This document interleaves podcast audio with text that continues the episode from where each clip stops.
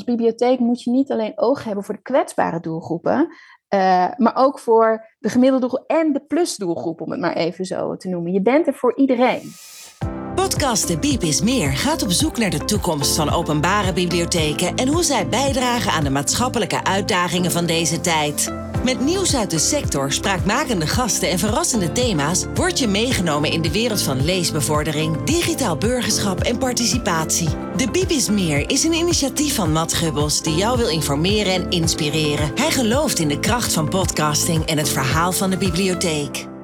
Welkom bij deze nieuwe aflevering van de podcast De Biep is Meer. Na een aantal afleveringen over leesbevordering en heel veel luisteraars spreek ik nu met iemand die nieuw is in de sector. Haar naam is Laura van Leest en zij komt uit de omgeving Staphorst uh, en omstreken. Dag Laura. Dag, hoi. Jij bent nieuw in uh, de sector. Uh, ja, wie ben jij? Met wie hebben we te maken? Wat voor, wat voor persoon, wat voor mens ben jij? van origine kom ik uit de zorg ooit begonnen echt eh, in het primaire proces als therapeut. En op een gegeven moment uh, nou ja, doorgegroeid naar een uh, directiefunctie met een portefeuille marketing, communicatie, innovatie. Heel actief geweest in de coronatijd. En nou ja, los van de zorg zit ik ook in een raad van toezicht, waar ik voorzitter van ben van 33 katholieke basisscholen. dus dat is echt mijn, mijn achtergrond, zorg en onderwijs. En na 20 jaar vraag je je dan af van, nou, moet ik niet een keer wat anders? Uh, en juist op dat moment dat ik me dat afvroeg, uh, kwam uh, de vacature voorbij voor de drie stichtingen, Staphorst inderdaad, Zwartwaterland en de Kop van Overijssel. Ja, en die kon, die kon ik niet laten liggen. nee, want wat, wat trok jou dan zo aan in die bibliotheeksector? Want het is hè, nog steeds een ja, sector hè, waarin het op zich best wel ja, een rustig leven biedt als werknemer, als directeur vind ik. Ja, dat, dat zou je denken, hè? Ja. Weet je dat ik daar, dat is wel leuk dat je dat zegt, want ik was daar ook een beetje bang voor. Kijk, ik had een functie waar crisis vrij veel voorbij kwam. Nou kun je corona misschien niet meer een crisis noemen, want dat duurde een lange periode. Maar ik was ook woordvoerder van de organisatie. Dus in het geval van uh, door een patiënt, openbare suicides, vermissing, werd ik gebeld door politie of media en ligt de telefoon eigenlijk altijd op je nachtkastje. Dus dat was eigenlijk ook wel een, een zorg die ik heb uitgesproken tijdens de sollicitatiegesprekken. Van nou, is dit wel spannend genoeg voor mij? En ik moest toen wel heel erg lachen achteraf dat de Raad van Toezicht zei: Nou, ik denk dat je hier wel prima kunt vermaken. En uh, dat, dat klopt ook zeker. Dus saai allerminst. en genoeg uitdagingen waar ik echt mijn tanden in kan vastbijten. Nou, we komen zo terug op die uitdagingen die je hebt in de kop ja. van Overijssel. Um, wat heb jij met lezen? Wat heb jij met boeken? Wat heb je met datgene hè, wat we ja, zien als de bibliotheek op dit moment? Dat begon eigenlijk al vanaf uh, kleins af aan. De dichtstbijzijnde bibliotheek was uh, de bibliotheek van Papendrecht. Ik ben opgegroeid uh, in het westen en op een gegeven moment naar Friesland gegaan. En nou, ik denk dat ik de, qua kinderboeken die hele biep wel heb uitgelezen. En toen ging het op een gegeven moment over naar de muziek. Dus het kopiëren van de cassettebandjes uit de bibliotheek en de platen. En eigenlijk ben ik daar de bibliotheek nog steeds heel dankbaar voor. Want daardoor heb ik eigenlijk ook een hele brede muzikale uh, opvoeding uh, gehad. Zelf ook muziek gaan maken. Dus dat was heel erg leuk. En het, het, lezen is er altijd ingebleven. En natuurlijk heb je periodes in je leven dat dat wat minder is. Hè. Als je moeder wordt, dan, dan lees je vooral Nijntje en Kikker en de kinderboeken. Maar het is altijd wel een hele belangrijke rode draad in mijn leven geweest. En het mooie is wel, uh, de vacature was niet helemaal gericht op het lezen en de traditionele bibliotheek. Maar je weet natuurlijk als je bij een bibliotheek solliciteert dat het natuurlijk ook om boeken gaat. Maar de nadruk lag heel erg op ambassadeurschap van de bibliotheek. Het leven lang leren en ontwikkelen, het netwerken, uh, verbinding zoeken met organisaties om die bibliotheken te verstevigen. Ja, en daar sloeg ik echt op aan, want dat is iets waar ik oprecht heel blij van word om samen met, met uh, partners uh, echt iets te realiseren wat de maatschappelijke positie verstevigt en um, wat eigenlijk een positieve bijdrage kan leveren aan, aan de inwoners. Jij noemde corona, hè? De, hè daar weten we natuurlijk allemaal van wat dat was, hè? met nadruk was, want het lijkt hè, alsof corona niet meer bestaat. Um, ja. Wat heb jij eh, vanuit de zorg rondom corona, wat heb je daarvan meegenomen naar de bibliotheeksector? Nou, misschien juist wel dat ik nog steeds extra voorzichtig ben. Uh, uh, kijk, ehm, vanuit de zorg heb je natuurlijk de richtlijnen te volgen van het RIVM. En ik werkte in de psychiatrie en ook wel een doelgroep, hè, mensen met een ernstige psychiatrische achtergrond, die we liever niet naar de ziekenhuizen wilden laten gaan. Want je wil ook niet, de ziekenhuizen hadden natuurlijk al ontzettend druk. Nou, dit type patiënt zorgt voor nog meer druk. Dus vandaar dat we een eigen corona-unit uh, gestart zijn. Maar de zorg was in tegenstelling tot andere sectoren nog even extra scherp qua regelgeving. En ik merk nu ook wel, hè, de, uh, het is allemaal losgelaten. Wat je zegt, het lijkt alsof corona niet meer bestaat. Nou, toevallig hadden we vorige week een medewerker met corona. En op zich zou die nu mogen blijven werken als je geen klachten hebt. Klopt. Ja, dan merk ik dat ik vanuit de zorg dan toch nog wel zeg van nou, misschien toch handig om gewoon thuis te gaan werken. En we hoeven het ook niet op te zoeken met elkaar. Dus ja, ik, ja, ik denk dat ik op die manier nog wel wat uh, meeneem. En ik hoop dat ik daar op een gegeven moment ook wat rustiger uh, in word. maar ja, als je daar 2,5 jaar zo intensief in hebt gewerkt, hè, de mondkapjescrisis, dat speelde, dat speelde ook bij ons ja, weet je, dan sta je er toch even anders in. Nou, ik ben zelf ook heel streng geweest in die uh, coronaperiode. Ik was een pain in the ass voor heel veel uh, familieleden.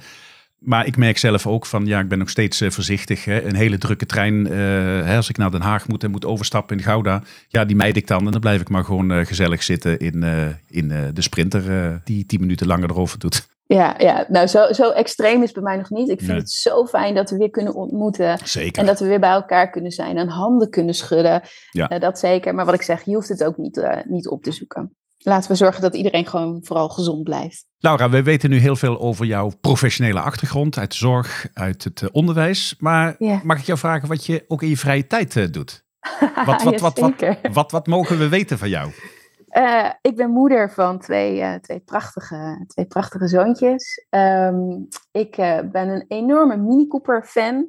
en dat houdt in dat ik samen met mijn partner classics opknap. Dus ik koop samen met hem een, nou ja, echt een casco met gaten en rotterij. En nou, dat gaan we lassen. het wordt gespoten, motorblokje erin. En zo knappen we klassieke minis op met een uh, nou ja, extra fascinatie voor Mini Cooper pick-ups. Daar zit, uh, we hebben in Nederland maar 80 pick-ups. Dus als er eentje op de markt komt die er slecht uitziet, dan uh, gaat mijn hart sneller kloppen. En hoop ik dat ik hem naar Friesland kan halen, want daar woon ik in, in Friesland. En um, een andere hobby, dat is urbexen. Ik bezoek heel veel verlaten panden in Nederland, uh, maar ook Duitsland, België. Dus eigenlijk Europa. We hebben een, uh, een fantastische camper en daar gaan we redelijk vaak uh, mee op pad, kinderen mee. En nou ja, we, we bezoeken dan verlaten panden, panden en daar maak ik foto's van. ja, dat zijn prachtige werken. En wat heel leuk was, ik had gisteren een afspraak met de galerie in Steenwijk. En die gaven aan van, nou, maar dit is echt heel mooi werk. We willen dit exposeren. Nou, daar had ik nog nooit over nagedacht. Maar uh, ja, ontzettend leuk om te doen en ook om dat uh, te delen met, uh, met mensen. Nou, leuk, leuk ook om, om te weten. Ik heb zelf overigens helemaal niks met auto's. Ik heb niet eens een rijbewijs. Oh. nee, ja, dus, en je mist het ook niet? Nee, ik mis het ook niet. Maar ik ben wel blij dat mijn vrouw ook een aantal jaren geleden haar rijbewijs heeft gehaald. En ik kan me nu wel iets voorstellen bij ja, het gemak van de auto. Ja, dat is me nu wel een beetje bekend.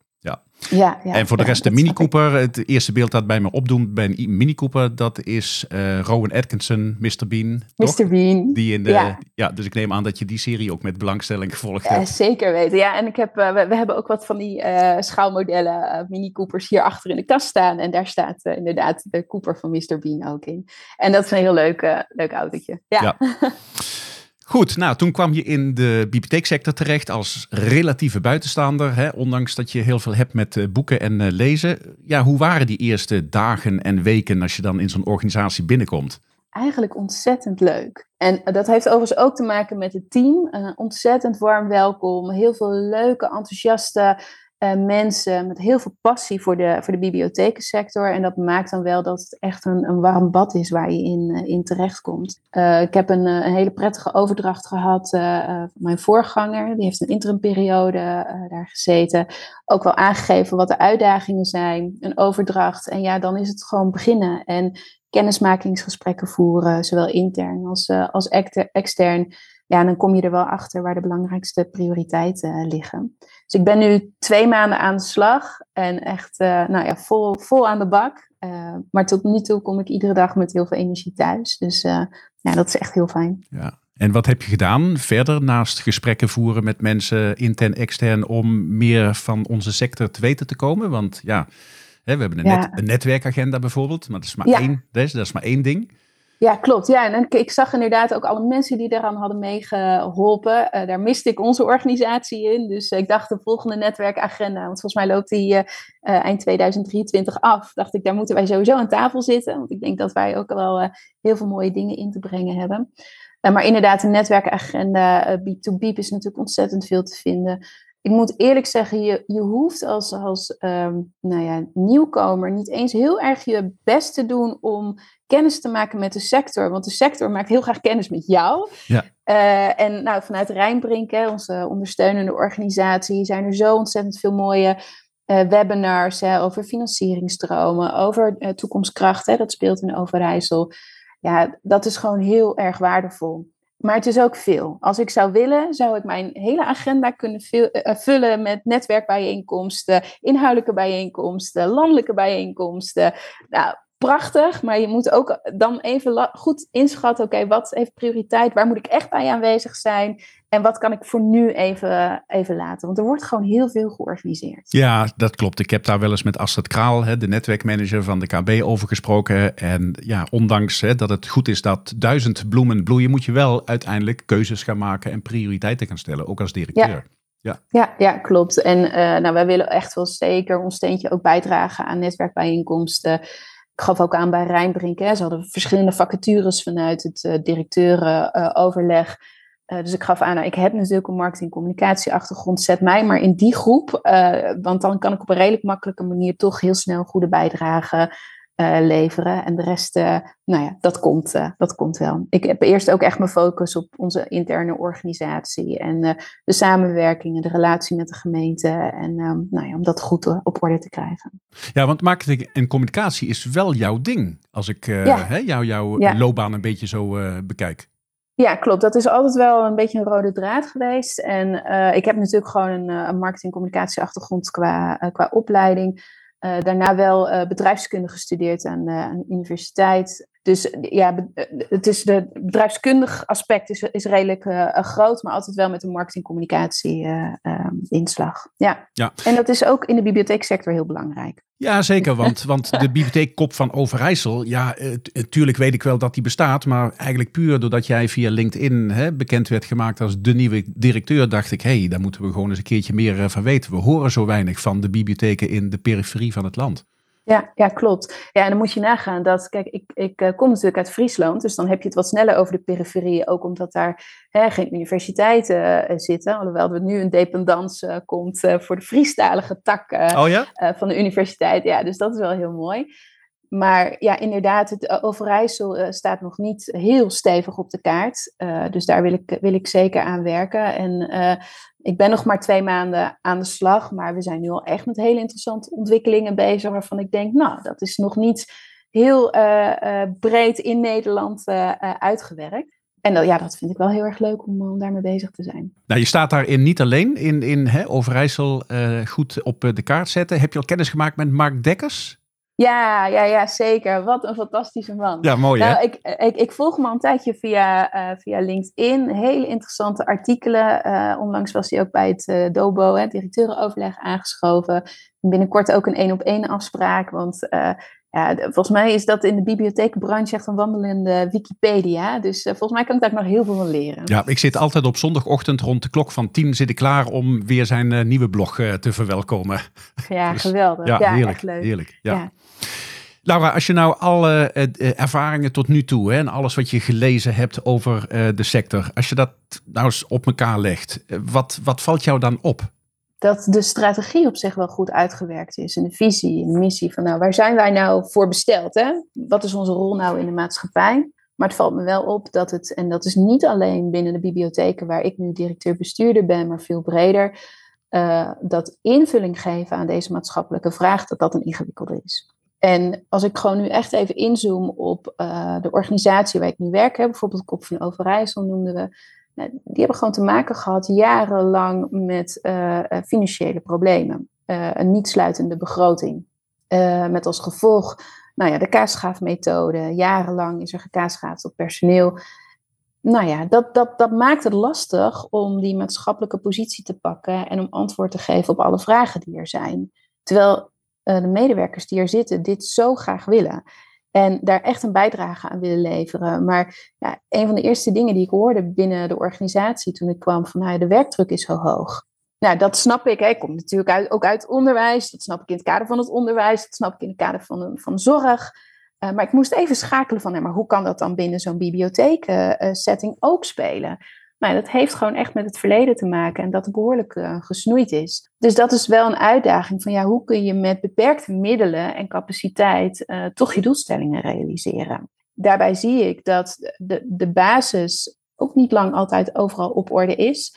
En dat daar ook wel grote uitdagingen zijn. Kijk, vanuit het verleden is ook wel gezegd, de kleinere bibliotheken in de plattelandsgebieden, moet je dat wel open houden. En er is ook echt wel een kentering geweest van, nou, sommige bibliotheken uh, die sluiten of het wordt een, een afhaalpunt. Maar dan denk ik, ja, weet je, ik kom ook uit een, uit een plattelandsomgeving. Wat zonde, want de mensen die daar wonen hebben ook behoefte aan een ontwikkelplein. Hebben ook behoefte aan een ido-punt. Hebben ook uh, behoefte aan een, aan een nou ja, sprankelende, inspirerende huiskamer waar ze een kop thee of een kop koffie kunnen halen nou, juist die plattelandsgebieden uh, is het juist essentieel om daar een bibliotheek te hebben. En uh, ook om te kijken van ja, hoe kunnen we die bibliotheek daar goed neerzetten. Dat het niet alleen die traditionele boeken uitlenen is, maar ook dat ontwikkelplein en ook die huiskamer. En dat het voor iedereen uh, toegankelijk is.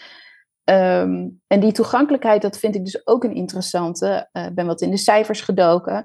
Dat je ziet dat op 18-jarige leeftijd jongvolwassenen moeten betalen voor hun abonnement.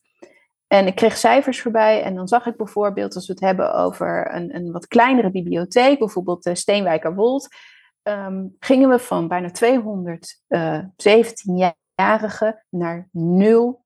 Je moet dan maar even jongvolwassenen, dus als ze 18 worden.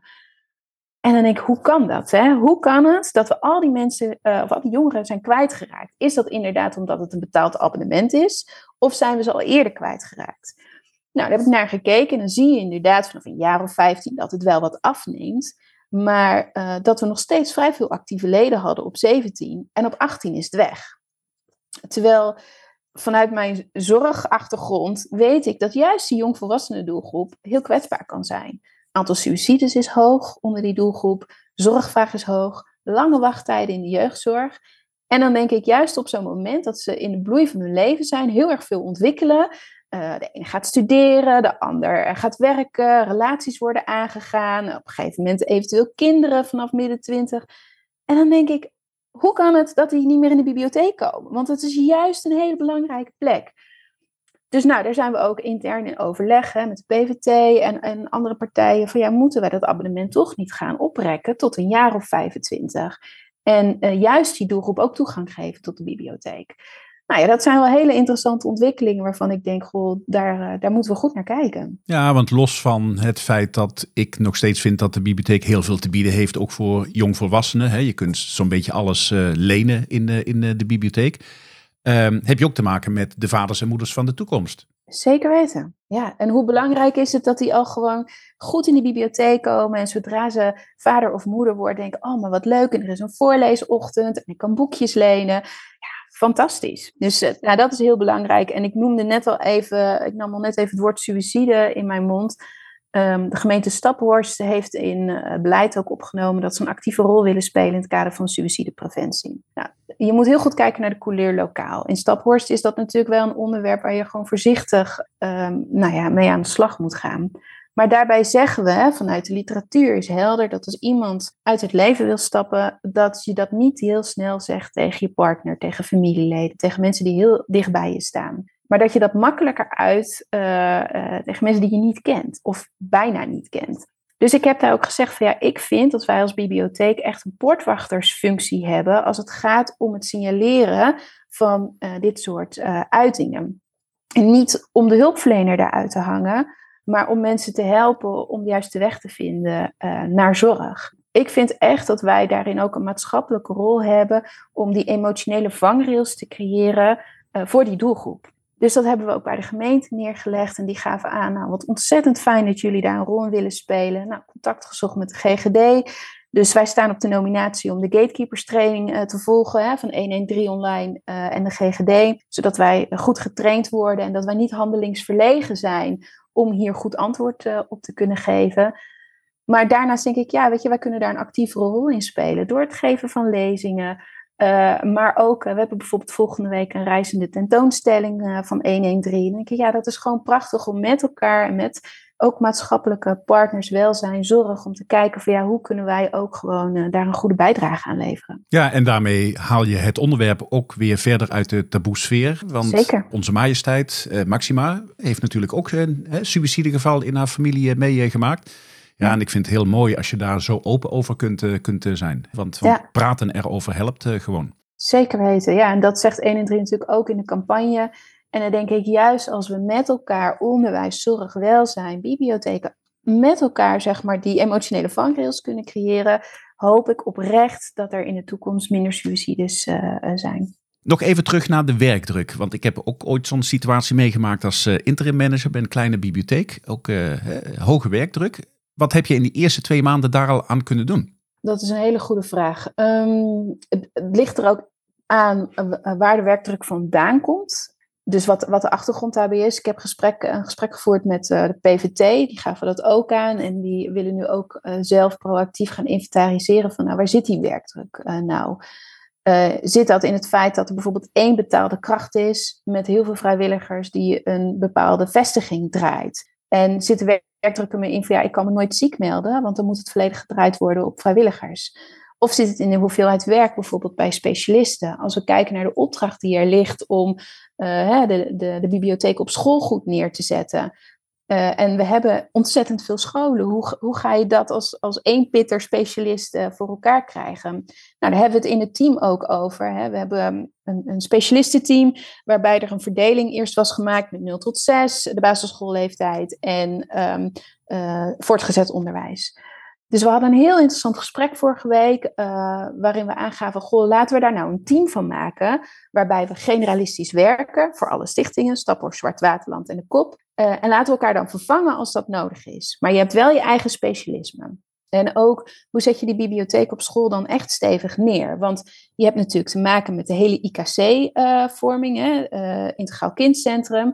Uh, moet je alleen focussen op die basisschoolleerlingen? Nou, ik vind van niet. Ik vind dat je eigenlijk vanaf nul een bibliotheek op school moet uh, uh, neerzetten.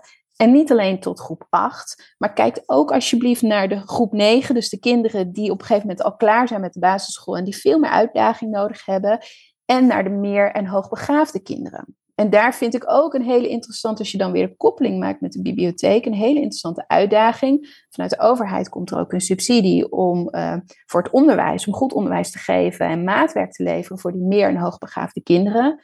Maar je ziet dat die kinderen heel vaak na schooltijd thuiskomen en gewoon niet verzadigd zijn. Nog steeds de drang hebben om kennis, om informatie, om uh, de wereld te leren kennen.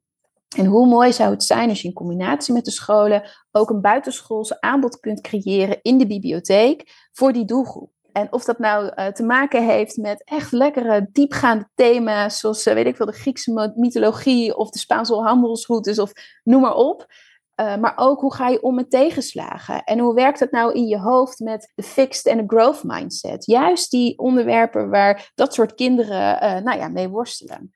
Uh, dus ik vind dat we daar als bibliotheek in samenwerking met de scholen ook echt wel iets neer kunnen zetten. En dat is ook wel interessant van als bibliotheek moet je niet alleen oog hebben voor de kwetsbare doelgroepen, uh, maar ook voor de gemiddelde doelgroep en de plusdoelgroep, om het maar even zo te noemen. Je bent er voor iedereen. Ik vind het wel een mooi concept, buitenschools aanbod. Ja, en daar ga je ouders ook uh, ontzettend mee ondersteunen en ontlasten.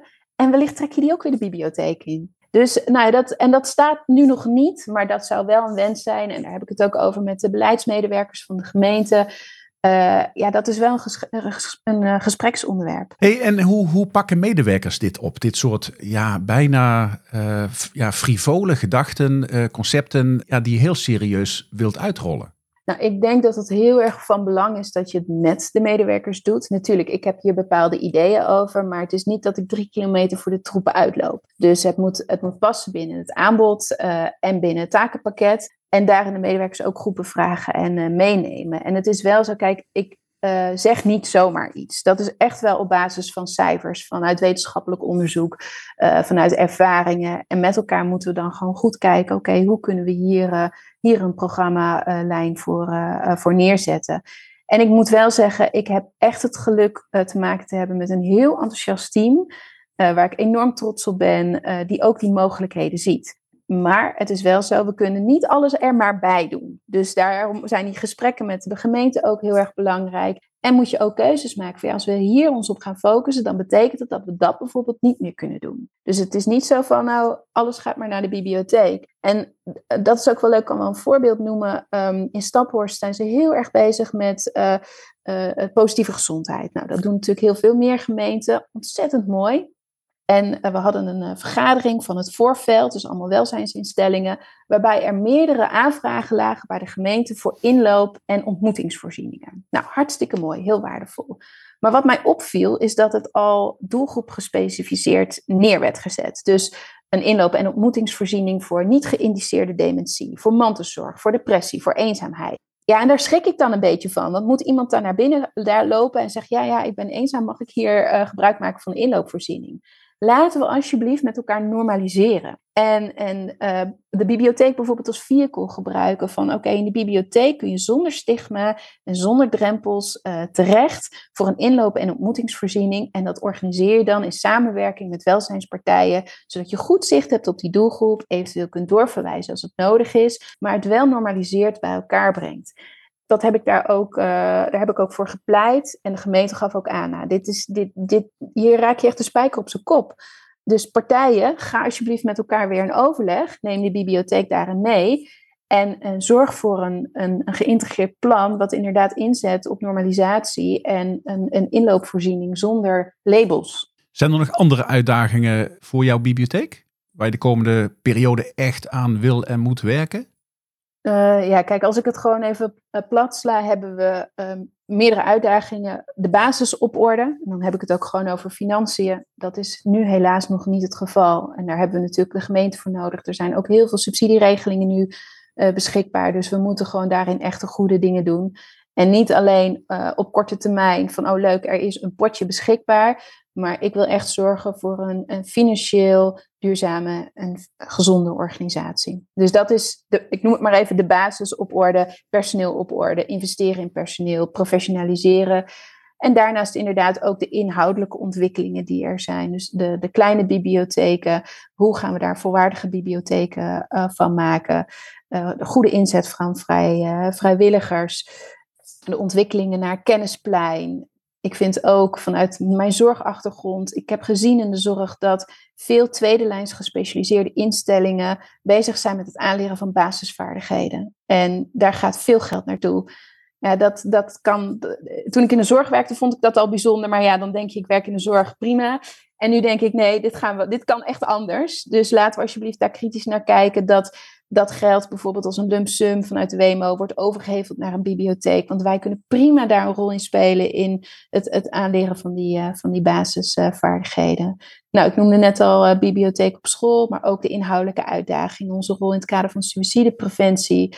Um, nou, ik werk nu twee maanden hier, maar met de gemeente Staphorst en daar ben ik heel trots op. Uh, hebben we voor elkaar gekregen dat minima, dus mensen op of onder bijstandsniveau, een gratis abonnement krijgen. En dan niet in de vorm van een participatieregeling met uh, zes handtekeningen, twintig briefjes en dien het maar in. Maar iedereen krijgt op de deurmat een hele mooie brief met een bibliotheekpas en een, een boekje met activiteiten van kom naar de bibliotheek. Want dat is natuurlijk nog wel een, een redelijk hardnekkig probleem dat mensen het idee hebben dat ze alleen maar met een bibliotheekpas in de bibliotheek mogen komen. Terwijl we zoveel meer bieden. Hè? Als jij een kopje koffie bij ons wil komen drinken, is dat hartstikke prima. Heb je geen bibliotheekpas nodig. Maar dat zit wel, wel in de hoofden van mensen van ik ben daar niet welkom, want ik heb geen pas. En wij zijn van mening dat, uh, uh, dat wanneer je zo'n doelgroep uh, zo'n pas geeft en mensen zich welkom voelen, dat ze dan ook komen. En dan kunnen we echt wel een bijdrage leveren in het verbeteren van de maatschappelijke positie van een relatief kwetsbare uh, groep mensen waar ook laaggeletterdheid in zit, maar ook geldzorgen uh, en ook um, ondersteuning op het gebied van het vinden van een baan. En wanneer het de bibliotheek lukt om bijvoorbeeld twee mensen naar betaald werk toe te leiden, scheelt dat de gemeente weer natuurlijk als het gaat om, eh, om uitkeringen. Dus in dat opzicht is het ook gewoon een, eh, win-win situatie. Ja, je noemde al de bibliotheek op school. Dan hebben we het natuurlijk direct al over de leescrisis. Hè? Dus een beetje mijn, mijn stokpaardje. Hoe kijk jij naar dat fenomeen leescrisis, leercrisis?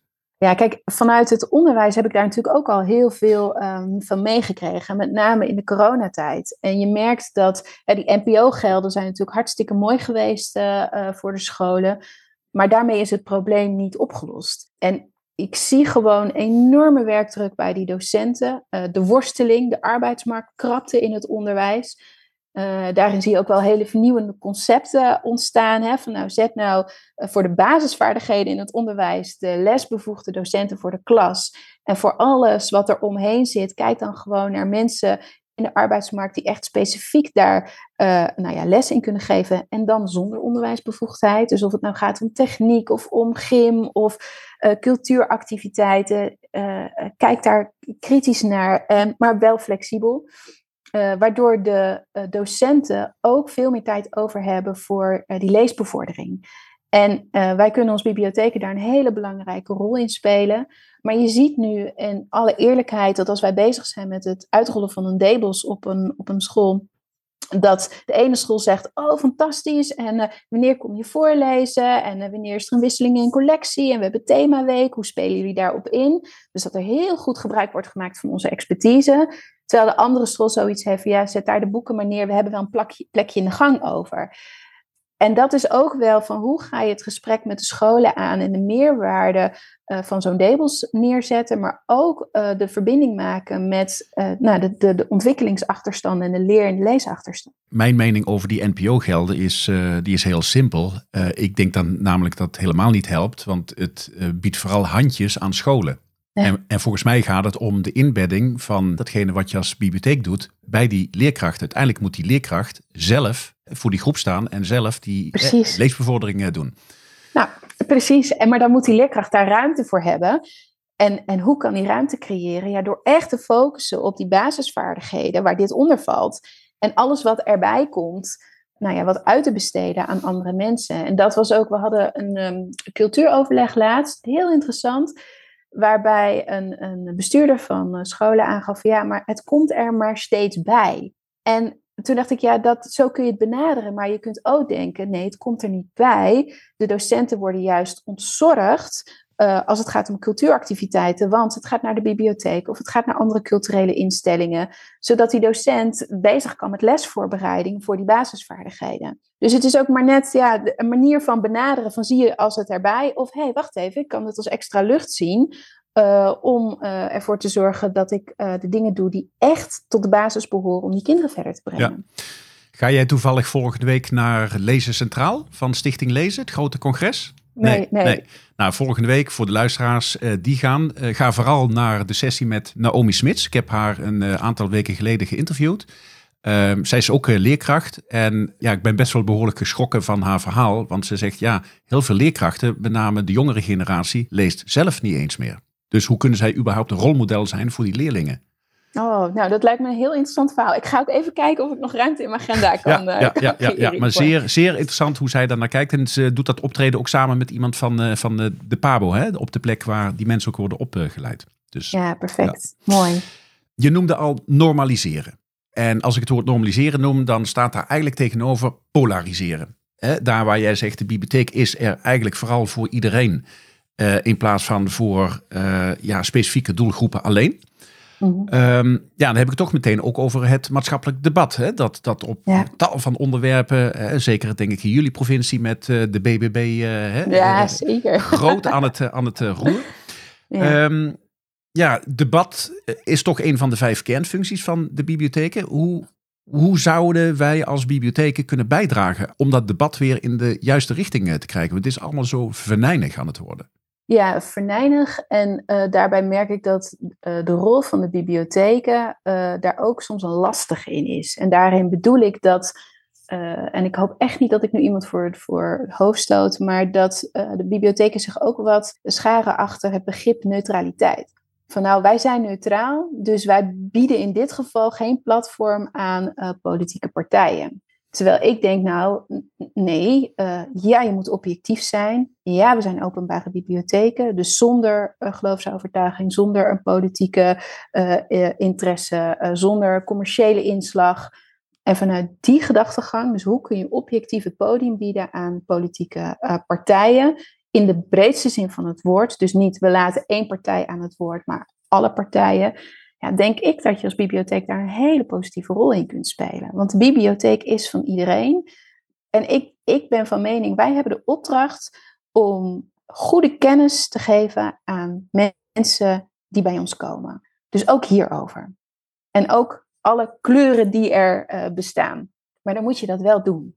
En uh, dat doen, daar ontbreekt het soms nog aan. En uh, of dat nou een lijsttrekkersdebat is of informatie over de politieke partijen.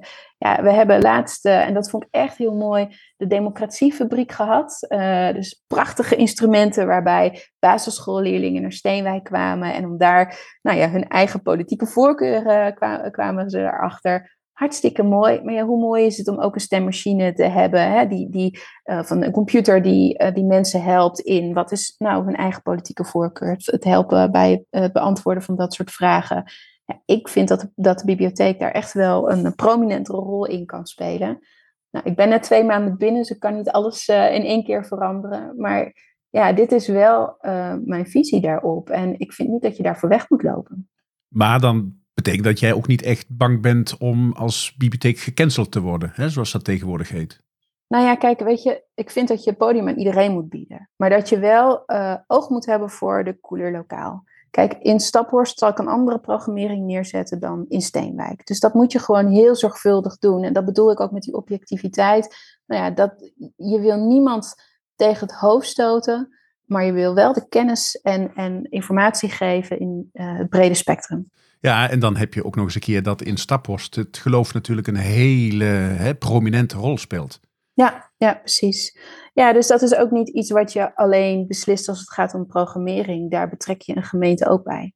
En nogmaals, we, we hoeven echt niet weg te lopen voor hele ingewikkelde discussies, maar het moet wel zorgvuldig en respectvol. En ik denk dat dat gewoon heel belangrijk is. Ja, ja want om dan terug te komen op het uh, subsidievraagstuk. Ik kan me voorstellen dat de kerk daar wellicht ook nog een bepaalde rol in kan uh, vervullen. Hè, in, het, in, het, debat klopt. daarover bijvoorbeeld. Ja, zeker. En, en kijk, um, ik hoop ook gewoon uh, dat wij daarbij als een soort smeerolie werken. Van hé, hey, kijk, de bibliotheek gaat als een gatekeeperstraining doen. Uh, we werken heel goed samen met alle partijen in het voorliggend veld. Kerken zijn daar ook bij aangesloten. nou, wellicht uh, is dat ook iets voor, voor de kerk. En het is ook hoe, hoe breng je iets? Hè? Ook in het kader van lezingen. Heb je daar een lezing, nou, dit gaat over suïcidepreventie. Of uh, ga je een lezing geven van, goh, we hebben in onze maatschappij te maken met, met ook kwetsbare mensen in de samenlevingen. En uh, hoe kun jij ervoor zorgen dat je niet handelingsverlegen bent? Hoe kunnen we als buurman, buurvrouw, bakker, monteur uh, met elkaar zorg hebben voor de mensen om ons heen? Hè? In Friesland noemen we dat Minskip. Ja, ik denk dat dat heel belangrijk is. En hoe kun je een appel doen, juist op de inwoners uh, van Staphorst, van ja, denk om elkaar. Juist ook als het even niet heel erg goed gaat met iemand. En wat doe je dan? Ja. Nou ja, ook in Friesland uh, heb ik gezien dat je bepaalde dorpen en gemeenten en communities hebt waar je dingen heel erg makkelijk zelf worden opgelost. Uh, en dat de stap naar zorg of hulp gewoon heel moeilijk is.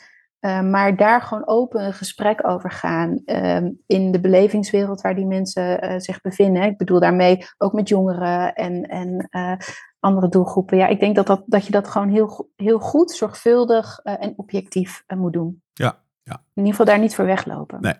Nee, heel mooi, heel mooi. Ja, ik zie jou toch als, als een van de ja, directeuren van de nieuwe generatie die in onze sector aan het binnenkomen is, als ik jouw verhaal zo hoor. Aan de ene kant ben je vernieuwend, innovatief aan de andere kant ook heel genuanceerd.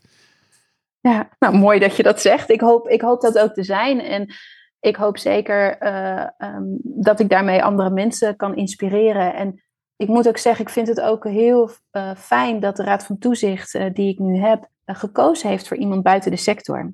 Want juist met de kennis vanuit zorg en onderwijs denk ik dat ik op die manier ook gewoon een goede bijdrage kan leveren aan de bibliotheek van de toekomst. Zoek je mensen die van buiten de sector komen ook, ook uh, op? Om, om, om ervaringen uit te wisselen? Ja, misschien, ik ben, ja, zo zit ik wel in elkaar, maar ik ben nog net even te kort ja, ja, nee, aan de slag ik, om dat te kunnen doen. Wel actief nu bezig om samenwerking te zoeken met de hogescholen. Uh, we hebben toevallig net vanuit Windesheim, echt, ja, dat was zo mooi. Uh, verschillende studenten vanuit bedrijfskunde, vanuit HR, vanuit communicatie zijn bezig geweest met het vraagstuk van hoe kunnen we de plattelandsbibliotheken, of de kleinere bibliotheken in de kleine kernen, meer een volwaardig bibliotheek maken. En je bent al heel snel geneigd om te denken in de traditionele uh, middelen, hè, de bibliobus en, en, dat soort zaken. Maar zijn er ook andere toepassingen te verzinnen? Nou, daar zijn ze mee bezig geweest in de vorm van een hackathon, dadelijk nog een Dragon's Den. Ja, super mooi. En dat helpt mij ook weer om creatief en innovatief te blijven denken. En um, nou ja, te zorgen voor een, een, een duurzame uh, bibliotheek, ook juist in die kleine kernen. Ja, ja nou leuk. Wat zou jij, wat zou jij de luisteraar en jouw uh, collega's in het land nog willen meegeven, ten slotte? Ik denk wel, uh, blijf innovatief. Uh, ga samenwerkingen aan dus met zoveel mogelijk partijen. En kijk hoe je daar als bibliotheek een goede rol uh, in kunt spelen. Uh, zoek elkaar op. dus blijf niet op je, op je eiland zitten, omdat het al jaren zo is gegaan, blijven we het zo doen. En heb een beetje lef. Ik denk dat dat heel belangrijk is. Nou, dat vond ik mooi om te horen van jouw kant. Want de ideeën die zijn talrijk. En volgens mij ben je al behoorlijk ja, aan het vorderen met de uitvoering daarvan. Mag ik jou heel erg hartelijk danken voor ja, jouw enthousiaste bijdrage. Ik hoop dat dit overkomt in het land. Je weet wat ik vind van ja, de aandacht voor de periferie. Die mag wat eh, uitgebreider. Dus in die zin eh, goed om jou te spreken. En ik hoop jou heel snel eens een keer een levende lijf op een van de vele netwerkbijeenkomsten in deze sector te zien. Ja, nee, hartstikke leuk. En ik zou eigenlijk ook wel heel graag een oproep willen doen. Uh, gewoon landelijk gezien van is er een bibliotheek waarvan je denkt, ja, dit is echt heel erg interessant. Laat Overijssel hier ook van mee profiteren. Uh, nou ja, gewoon wel niet om me op te zoeken via LinkedIn. Uh, want ik kom heel graag uh, langs. Ja, nou, en misschien kan Mark Dekkers daar aanstaande zondagochtend in zijn blog uh, weer eens een keertje aandacht aan schenken. Ja, dat zou geweldig zijn. Super. Laura, dankjewel. Tot snel. Ja, tot snel.